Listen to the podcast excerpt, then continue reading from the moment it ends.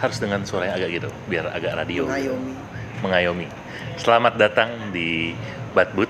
Halo, aku Pato. Saya Tora. Batbut apa sih? Balik ke episode ke sekian. Sekian, kayak ini kedua ya. Harusnya sih kedua sih. Anjing nggak bisa, nggak bisa, gue nggak bisa suara kayak gini sama mama. Sebutnya episode kesekian, gue nggak tahu ini bakal diupload ke berapa kan? Ah iya, iya. baiklah. Eh, sebetulnya angka itu penting nggak penting di episode kali ini, Pak? Yes. Karena kita akan membahas sebuah band Ya. yang kita sama-sama suka. Yap. Dan band ini mengandung angka Ya. Sum 41, 30 Seconds to Mars. Blink 182, Gua gak, bisa, gua gak bisa tidur.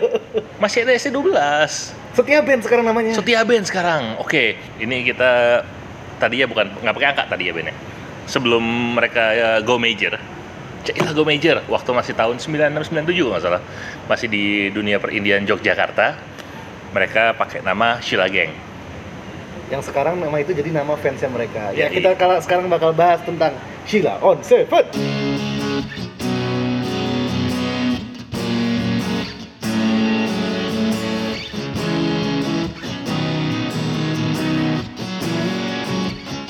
Sheila on Seven. Kalau dengar kata Sheila on Seven lo mikirnya apa? Yang pernah lo pikir nama lo?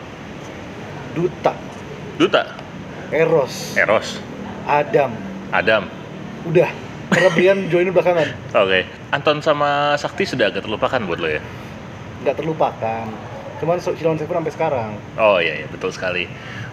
Meskipun gue masih tetap ngefans sama mereka sih. Eh, mereka tuh membangun membangun Sheila on Seven yang sekarang yang gue masih suka. Gue konsisten suka loh sebetulnya. Sheila on Seven itu sebenarnya band standar. Standar. Standar, standar orang suka. gue belum Iya. pernah menemukan 27 tahun gue hidup orang nggak suka Sheila on Seven. Minimal kalau misal dia nggak suka, pasti ada lagu yang dia suka banget. Kayak misalnya, ah, gue nggak suka Sheila on Seven, tapi dia suka Dan. Mungkin. mungkin. Atau jadi jadi ya dan dan ketika lo dengar on Seven gitu, dan lo nyanyi gitu, itu nggak nggak apa ya bukan bukan guilty pleasure. Gue rasa gue nggak belum belum paling gue, gue belum pernah ya ketemu orang yang guilty pleasure-nya Sheila on Seven. Biasanya pleasure aja. Ya, standarnya kayak apa gue nggak ngerti sih. Sok-sok tinggi amat sih Sheila on Seven. Lagian gue juga kurang setuju sama istilah guilty pleasure sih. Oke. Kenapa nggak pleasure aja gitu loh? Kenapa lo harus merasa bersalah ketika lo menikmati sesuatu?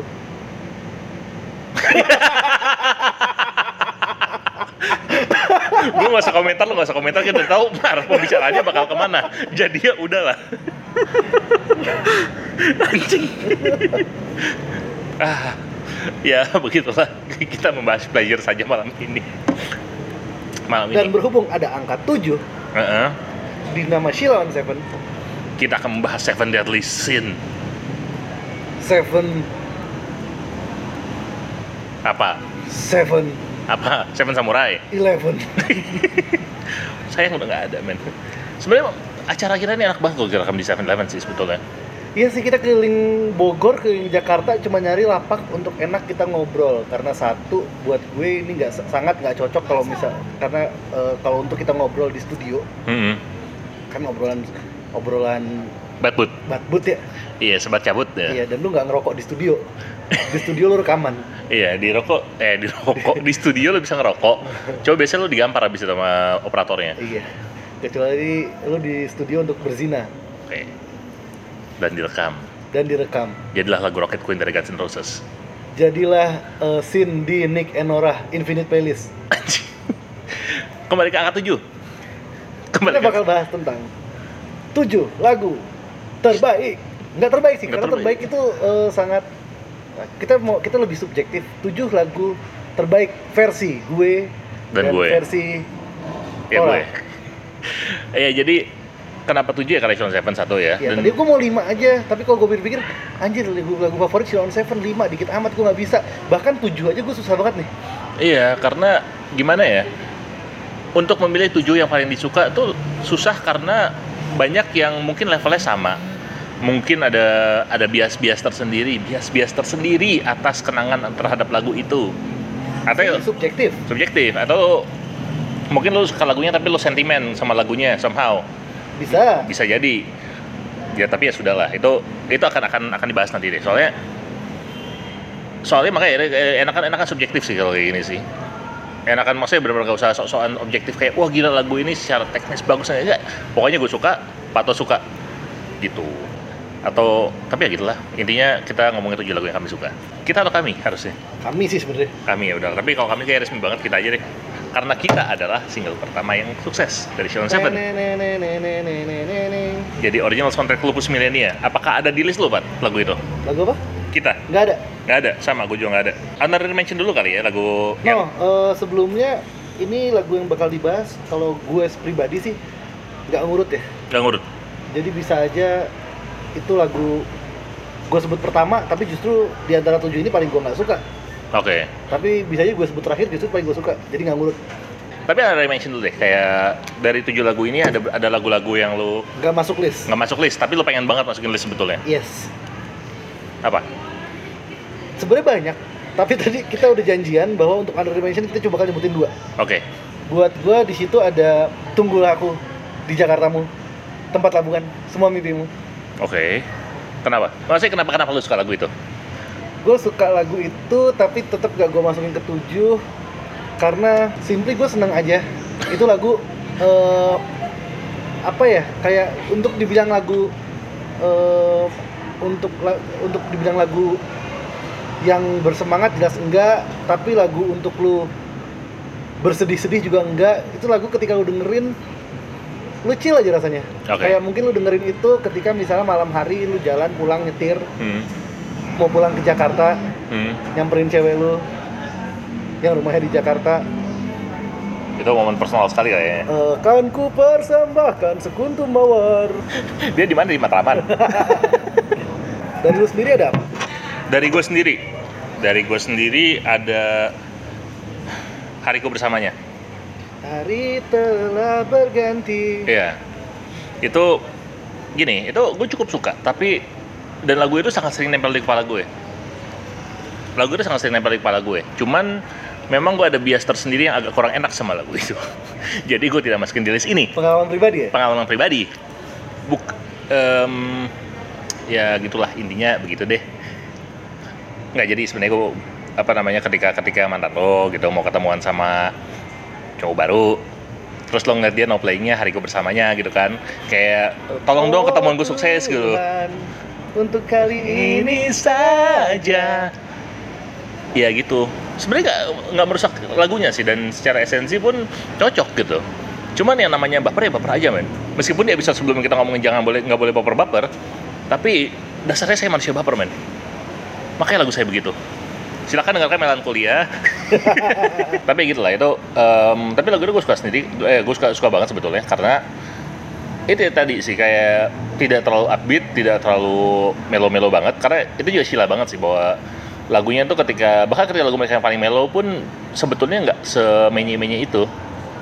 Dan gue sangat respect itu sebagai apa ya sebagai sesama musisi lah gitu. Karena nggak semua orang bisa punya punya bakat di situ menurut gue. Untuk menyalakan sebuah sebuah subjek matter yang sedih Mhm. dengan bagus dengan apa dengan dengan tidak menye-menye dan menyatakan subjek matter kayak ini yang sebenarnya sangat sederhana tapi dengan dengan simple. Ya speciality-nya. Sheldon Seven itu? iya. Slice of life band kali ya istilahnya ya. Jadi kalau misalnya Jepang punya Red Wimps. Kita punya Sheldon Seven. Band spesialis anime slice of life lalu apa? Di Another Dimension lo yang kedua? Gue sebenarnya gue bakal nyebut canggung atau yang lainnya tapi demi konten karena ini lebih menarik gue bakal masukin eh pejantan tangguh. Eh bercanda tangguh kenapa? Iya pejantan tangguh. Itu tiap lu, lu kalau denger itu dan lu bikin itu sekarang lu pasti ngerasa lu jadi Iko Uwais di film Perantau coy. Lu Iya, berasa pendekar banget dengerin itu karena kamu video klipnya kali ya. video klipnya juga sih Heeh, tapi emang memang musiknya juga berasa berasa fighting banget sih. ya kan. Oh, terlepas dari lagunya tuh bah- bahwa lagunya malah tentang lu sangat-sangat bukan bukan pejantan yang tangguh gitu. yes Kalau buat gue lalu hingga ujung waktu. Ini lagu kawinan sejuta umat lah ya. oh, ini lucu hingga ujung waktu itu justru masuk ke tujuh besar favorit gua Oh ya. tapi ketika lu bilang itu kawinan Hmm. justru itu itu tidak akan lagu itu tidak akan ada di kawinan gue Oke. lagu itu justru bakal gue play ketika gue ngelamar cewek gue Iya sebenarnya bisa cocok kayak gitu sih. jika kau menjadi istriku nanti pahami aku saat menangis Hmm, jika kau menjadi istriku nanti jangan pernah berhenti memilikiku hingga ujung waktu Iya. Ya memang bener harusnya memang bukan pas kawinan. Cuma lu kan tahu ke- ke- seleksi lagu kawinan tuh kadang-kadang lagu juga nggak cocok. Christina Perry coy Iya. udahlah gue pernah ketemu nyanyi Adele men. Nevermind I Found Someone Like You. Gue bilang kayak ah, anjing ini wedding singernya mantannya apa gimana? Tapi ya sudah lah. Berarti kita terlepas dari dua lagu itu, Hah? gue juga bakal nyebut sebenarnya karena ini tidak lagu ini nggak akan masuk ke tujuh favorit gue tadi. Hah? Cuma karena satu lagu favorit gue udah disebut di barusan, Oke. gue bakal nyebut pemuja rahasia. Aha. Iya. Iya. Aha. Iya. Tapi kenapa tidak akan masuk? Lagu itu keren loh. Lagu itu keren, lagu itu bagus. Cuma Eh. tujuh lagu favorit gue itu lebih bagus dari itu buat gue. Oke. Cuma ini masuk sini karena gue gue tidak akan menganggap itu lagu bagus lagi karena gue sudah tidak bisa memandang lagu itu dengan sama dengan se- sama seperti sebelumnya. Karena apa? Karena ada case di mana temen gue, in which is gitaris gue sendiri, Gue tahu cerita ini. Oke, lanjut. dia nyanyi, dia ngerekam lagu itu, dia record, dia nyanyi untuk dikasih ke Nabila JKT48. akulah yang selalu memujamu, akulah yang akan selalu mengawasimu. Anjing creepy banget Itu lagu stalker coy. Apalagi buat ke Nabila JKT48 in which is anak SMP. Anjing creepy banget.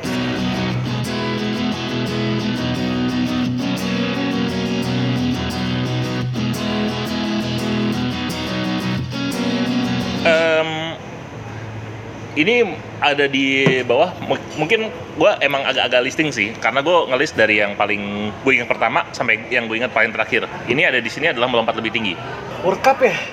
kok World Cup Eh sorry, eh 30 hari biar cinta. ya? tiga hari mencari cinta Yes.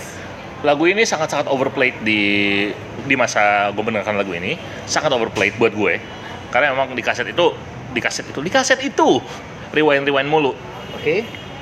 Eh, sesuka itu sesuka itu gue suka ada apa ya makna lagunya eh, momennya ya aransemennya apalagi terus tapi apa ya yang antara ini gue agak turun antara ini sama sahabat sejati Aha. Yeah. Aha. Tapi gue akan memilih ini karena sahabat sejati itu kayak pilihan yang terlalu obvious Oke. untuk untuk subject matter ini. Nomor 7 gue bakal masukin mungkin untuk perempuan. Untuk perempuan. Yes. Karena Untuk perempuan itu ada di album bentar gue buka Spotify lupa. ini pilihan agak agak kurang lazim sebetulnya. Maksudnya Apa? bukan bukan lagu yang akan pop up di kepala orang saat lo ngomongin Children Seven Yes. pertama kali. Kamu fans berat ya? Atau kamu memang hipster aja? Enggak sih, kayak gini. Eh terlepas dari musiknya emang gue suka banget. Oke. Lu bayangin dia bisa eh, nyampein eh, pesan di lagu ini Hmm. lir- dengan lirik yang sebenarnya kalau bukan mereka Hmm. mungkin bakal sangat eh, lagu empowering yang cukup dangdut tapi ini empoweringnya dengan eh, dengan eh, frase-frase yang buat gue enak gitu lu nggak kayak anjir katro banget lu Oke. karena untuk di verse satunya aja dia ngomong jangan mengejarnya jangan mencarinya Oke. dia yang akan menemukanmu kau mekar di hatinya di hari yang tepat Hmm. buat gue itu sebenarnya eh, empowering dari seseorang untuk seseorang Hmm. ketika eh, seseorang A ini mau ngasih tahu ke temennya Hmm. no lu nggak usah nggak usah segitunya lah lu nggak usah lu kejar-kejar kalau emang dia partner lu dia pasangan lu kelak lu pasti bakal ends up sama dia tapi nggak yang kayak eh, apalah kayak "Udah, lu, lu semangat ya tetap semangat kayak kontol kayak lagunya itu siapa sih itu? Eh, Kelly Clarkson ya? What doesn't kill you make you stronger. Enggak what doesn't, Itu- what doesn't kill you berarti killernya bodoh. What doesn't kill you masih masih pasti miss. Iya berarti yang mau ngebunuh lu itu stormtrooper. Dan lagu ini sebenarnya juga bagus ketika lo ka- taruh konteks ke momen di mana lagu itu di play di filmnya. Tiga poin cinta juga kan? Iya Iya kan? Dan refnya Hah? itu on point banget buat gue oke. Di mana dia ngomong tidaklah mawar ha- tidaklah mawar hampiri kumbang. Hah? bukanlah cinta bila kau kejar. Oke. Tenanglah tenang dia akan datang dan memungutmu ke hatinya yang terdalam. Itu kayak nyet. Mas-mas kalian keren. Lanjut ya, lanjut. Lanjut. Lanjut eh, ke lagu gue yang berikutnya adalah saat aku lanjut usia. oh. Ini sebenarnya setema dengan hingga ujung waktu in a way. Kebetulan lagu itu juga ada di masuk list gue Oke, jadi bisa lah nanti kita bahas ya lebih lebih mendalam. Tapi maksudnya Yes. dari, dari perspektif gue, saat lanjut usia ini kenapa lebih tinggi daripada hingga, hingga ujung waktu? Satu, approach-nya tidak dramatis untuk topik seserius ini. iya Maksudnya ya ini topik-topik itu sekali lagi kelebihan Sheila ya. Ini topiknya sangat serius, sangat apa ya? Oh, bukan bilang sangat serius ya, tapi sangat sangat dalam lah gitu. lagu ini juga sebenarnya jadi inspirasi Inspirasi. jadi influence gue buat ketika gue nulis sesuatu gitu Oke. di mana ketika membahas sesuatu topik yang serius Mhm. topik yang berat nggak berat sih tapi oke lah topik yang lebih serius Mhm. tapi gimana caranya lu bisa menyampaikan itu dengan sangat fun dengan cara yang menyenangkan Oke. dengan kalimat-kalimat yang tidak menggurui Baiklah. bahkan cen- cenderung komikal gitu Hmm. Eh, saat perutku mulai buncit yakinlah ku tetap terseksi gitu maksudnya lu pasti paham maksudnya apa gitu Iya. kayak gimana pun kondisinya lu harus tetap sama gue dong please gitu Iya. tapi eh, dengan dengan kalimat seperti itu itu eh, menghasilkan sesuatu yang pesannya sampai Mhm. tapi nggak dangdut dan nggak receh Iya. jadi buat gue ini lagu oke Oke. kalau menurut lu sendiri gimana gue setuju gue sangat setuju dengan itu ya. Tapi eh, mungkin kalau gue bisa nambahin juga bukan cuma sekedar perkara lirik tapi pembawaan ada atlet atlet yang we yang wuhu wuhunya gitu. Yes. bercandaannya gini bercandaannya tuh enak gitu. Dan lu merasa lagu ini lucu tanpa jadi komedi. Oh iya. Dan itu itu poin yang poin yang penting banget buat gue. Nah nomor 6 lu apa? Karena gue sama oke. jadi mending langsung masuk nomor eh, nomor limanya lu. Nomor 5 gue. Nomor 5 gue adalah lagu yang ada di Sastronya oh. JAP jadikanlah aku pacarmu Cilon Seven jadi montir. Jadi montir. Montir montir Jawa. Montir montir Jawa. Ya masih ada Mas Sakti ya? Iya masih ada Mas Sakti, masih ada Aduh masih ada mobil yang kayaknya gue curiga itu mobil juga dipakai sama P Squad di video klipnya Goyang. mobil mobilnya mirip banget men. Mungkin gue salah. hardtop kan Hardtop, gue lupa hardtop apa di eh hardtop hardtop hardtop. Ini nggak nggak eh, kayak di- bukan bukan hardtop, saya dibuka belakangnya. oke Tapi ya eh, never mind tuh antara itu hardtop atau softtop. mobil penculik ya pokoknya Mobil penculik. Oh ini mobil Dono kalau mau ke pantai. atau mobil Kertara Jasa ketika nyulik Sherina Sadam. Sadam Kertara jasa. kayak gitu kijang deh Itu kijang ya? Ya udahlah. Zaman banget anjing. Ya, eh, JAP, JAP itu ini kalau ini pure musical sih. oke Gue suka banget riff yang riff pembukanya itu buat gue itu riff yang nyangkut banget. Dan sound itu sound yang mendefinisikan soundnya Eros. Pun kayak di penjatan lagu kan juga seperti ini kan. Sebetulnya. Iya. Suara apa ya? Approach mereka eh, sonical, sonical approach-nya cuma memang ditambah dengan brass section yang bikin bikin lebih sound sound yang lebih epicnya yang yang lebih funnya juga. Tapi ya itulah. Dan gue sangat suka gitar playingnya Eros di sini. Oke. Nah nomor 5 lo nomor 5 gue berarti mungkin bakal gue sebut Just for My Mom sih. Oke coba coba di di ini lagu pertama Sheila on Seven berlirik bahasa Inggris yang gue tahu. Oke. Atau mungkin sampai sekarang cuma itu lagu bahasa Inggris. Itu- Kayak- kayak ada deh. Gue nggak ingat ada lagi cuma sih. gue lupa cuma mungkin ini lagu lagu lirik bahasa Inggris mereka yang paling gue inget oke. Dan ini bagus banget.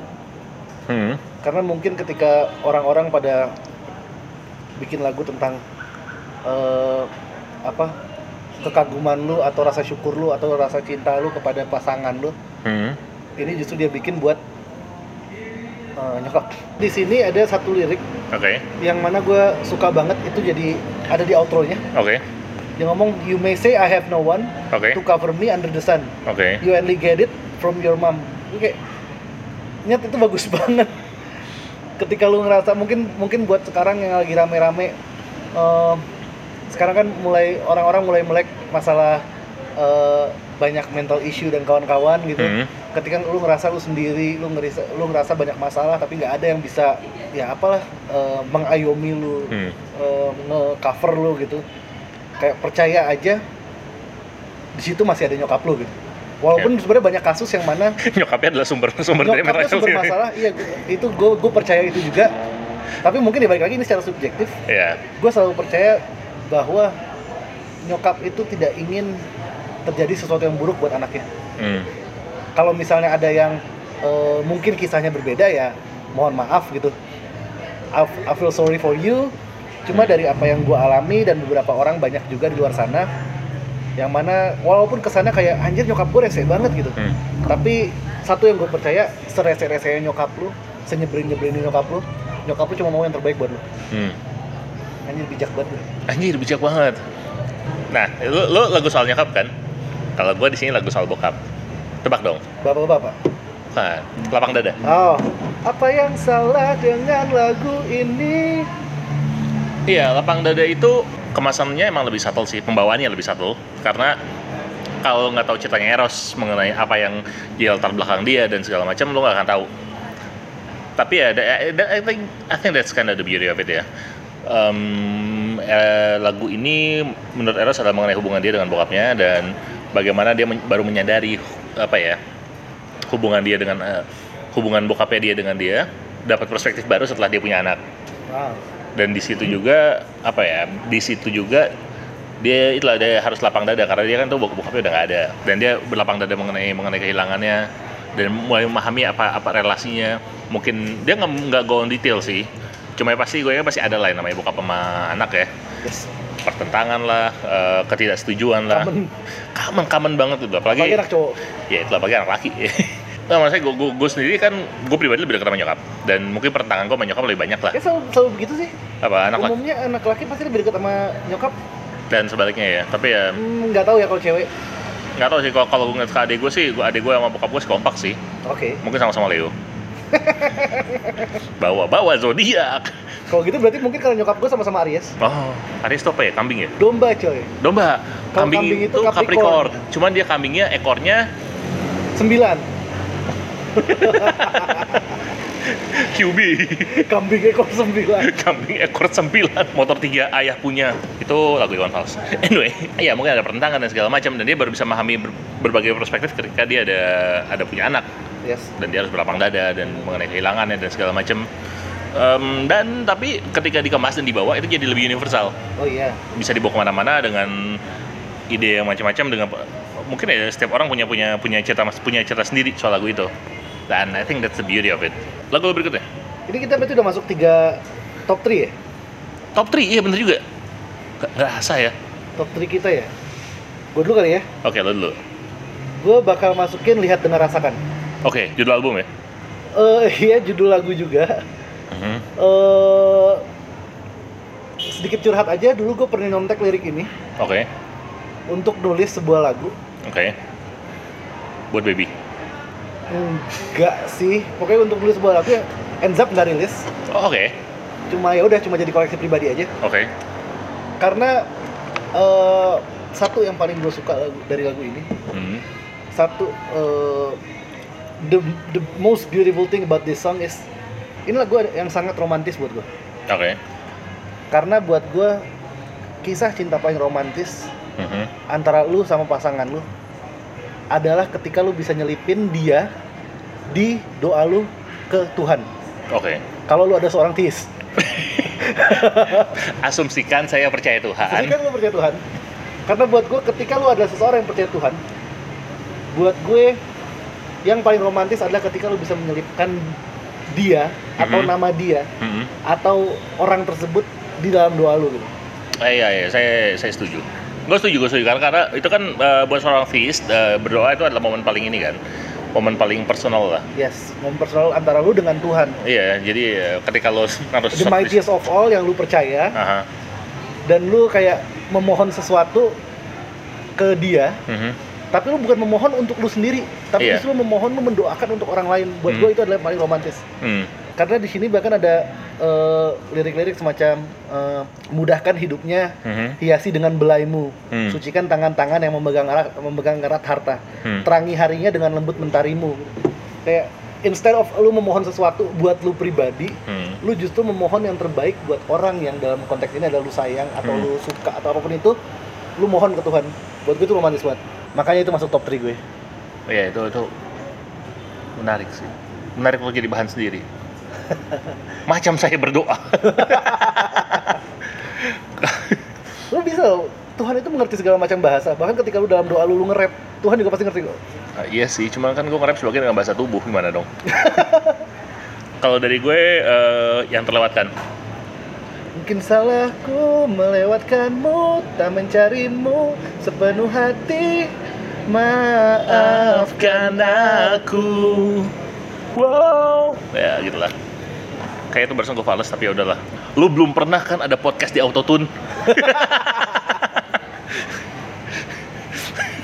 The perks of ngisi podcast sama sound engineer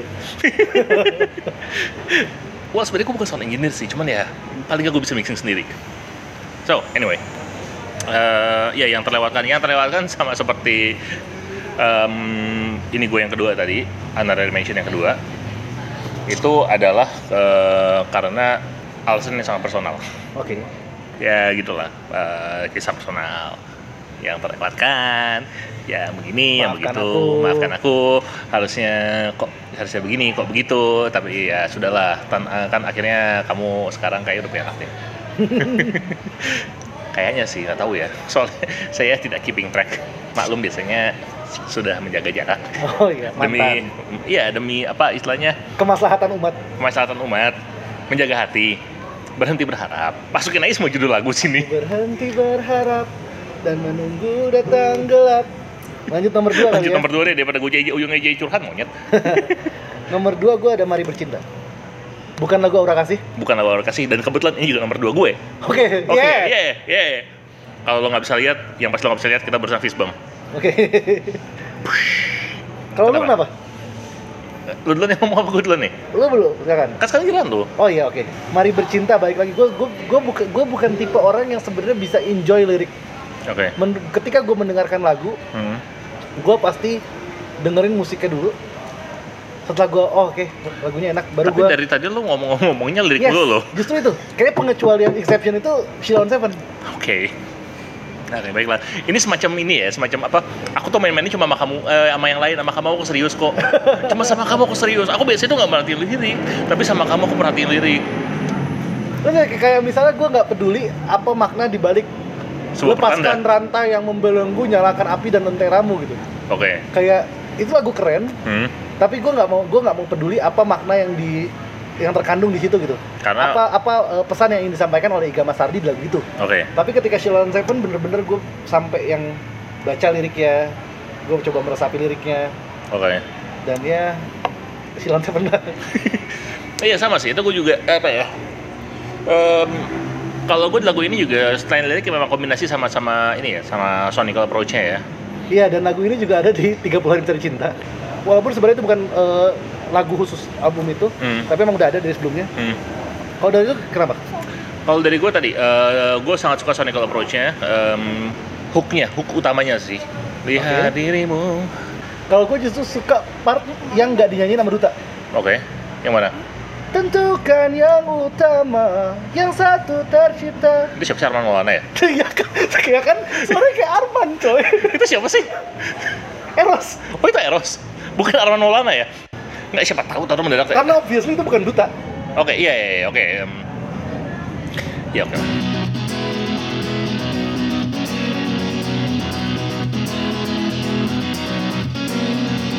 Yes, akhirnya sampai ke ujung pembahasan kali ini. Lagu nomor satu. Dari gue PD, Wah, gue suka banget album pertama. album pertama.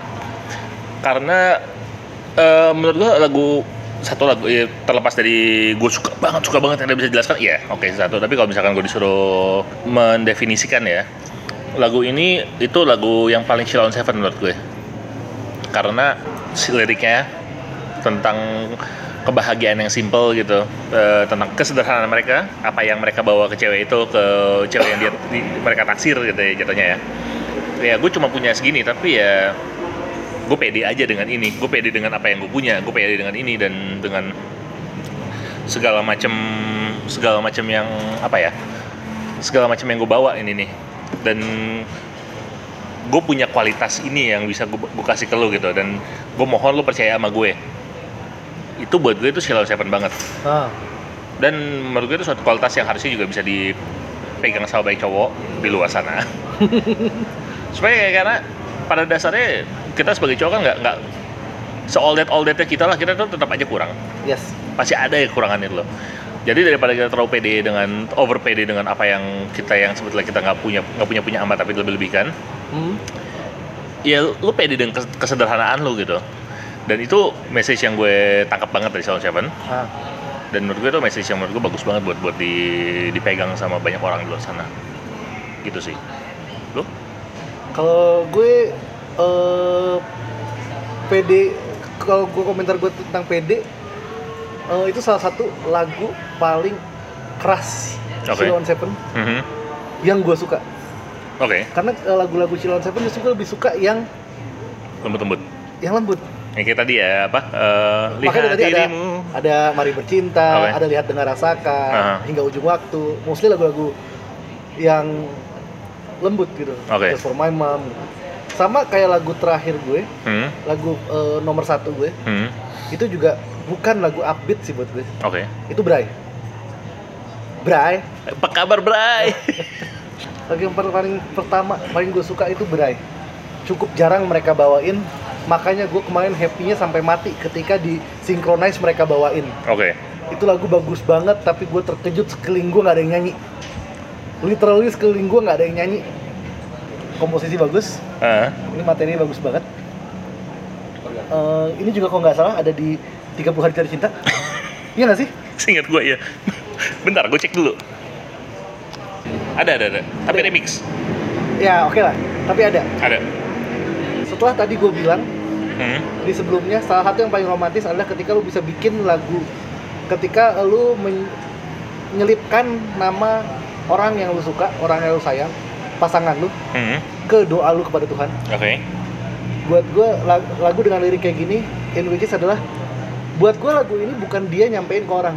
Oke. Tapi lebih kayak si penyanyi lagi berkontemplasi hmm, lagi ya udah ngawang ngo- mungkin ngomong sama dirinya sendiri. Hmm, lagi mikir sesuatu itu bahkan jadi lirik.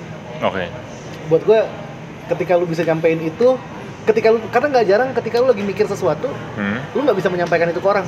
Oh iya iya memang. Lu lagi mikir wih gue ada ide nih sesuatu apaan? Gitulah ada di kepala gue tapi nggak bisa lu sampein. Iya.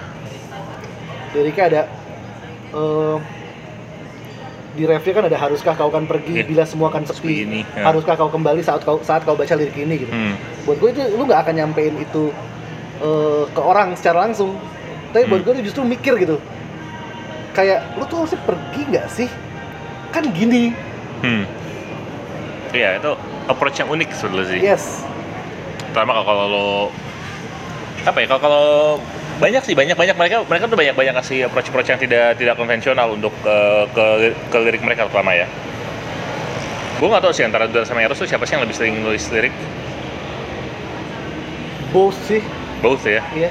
Iya, jadi mungkin kita bisa ini ya kayak Lennon McCartney lah ya ya buat buat orang yang nggak eh, ngulik sampai dalam atau yang nggak ngefans mungkin cuma anggap Dylan Seven itu Duta Eros soalnya. Oh, fair point sih. With all due respect buat Mas Adam. Mas Adam sama Mas Brian. Ya Mas Adam mungkin harus ngur, ngur, ngur- panjangin kumis kayak Mas Adam yang satunya biar untuk lebih ikonik gitu. Ini Adam Subarkah coy. Bukan Adam Suseno. Ya well begitu. Tadi lagu-lagu tujuh lagu Sheila on Seven. Iya. versi on the spot. versi versi on the spot ya tujuh lagu ini nggak tahu sih lo lo pasti punya punya punya preferensi sendiri ya jadi kalau misalkan lo punya list lo sendiri lo boleh lah mention mention kita Boleh kita diskusi karena gue suka banget sama Sheila on Seven jadi pasti diskusinya enak nih. iya ya ini karena dan ini adalah diskusi yang pasti tidak akan ngomel karena Sheila on Seven adalah band yang sangat sulit untuk lo benci Yes, you can hate them. iya Kecuali pada kenangan pribadi ya, itu beda cerita. oh iya Ya well, kalau misalnya kalian punya lagu-lagu kesukaan Sheila on Seven versi kalian bisa sampein ke @patoputra12 di Twitter dan Instagram. Eh Etorantula di Twitter dan Instagram dan kayak di mana-mana juga ya Dan, ya, kita tunggu komentar dari kalian. oke, Ciao. ciao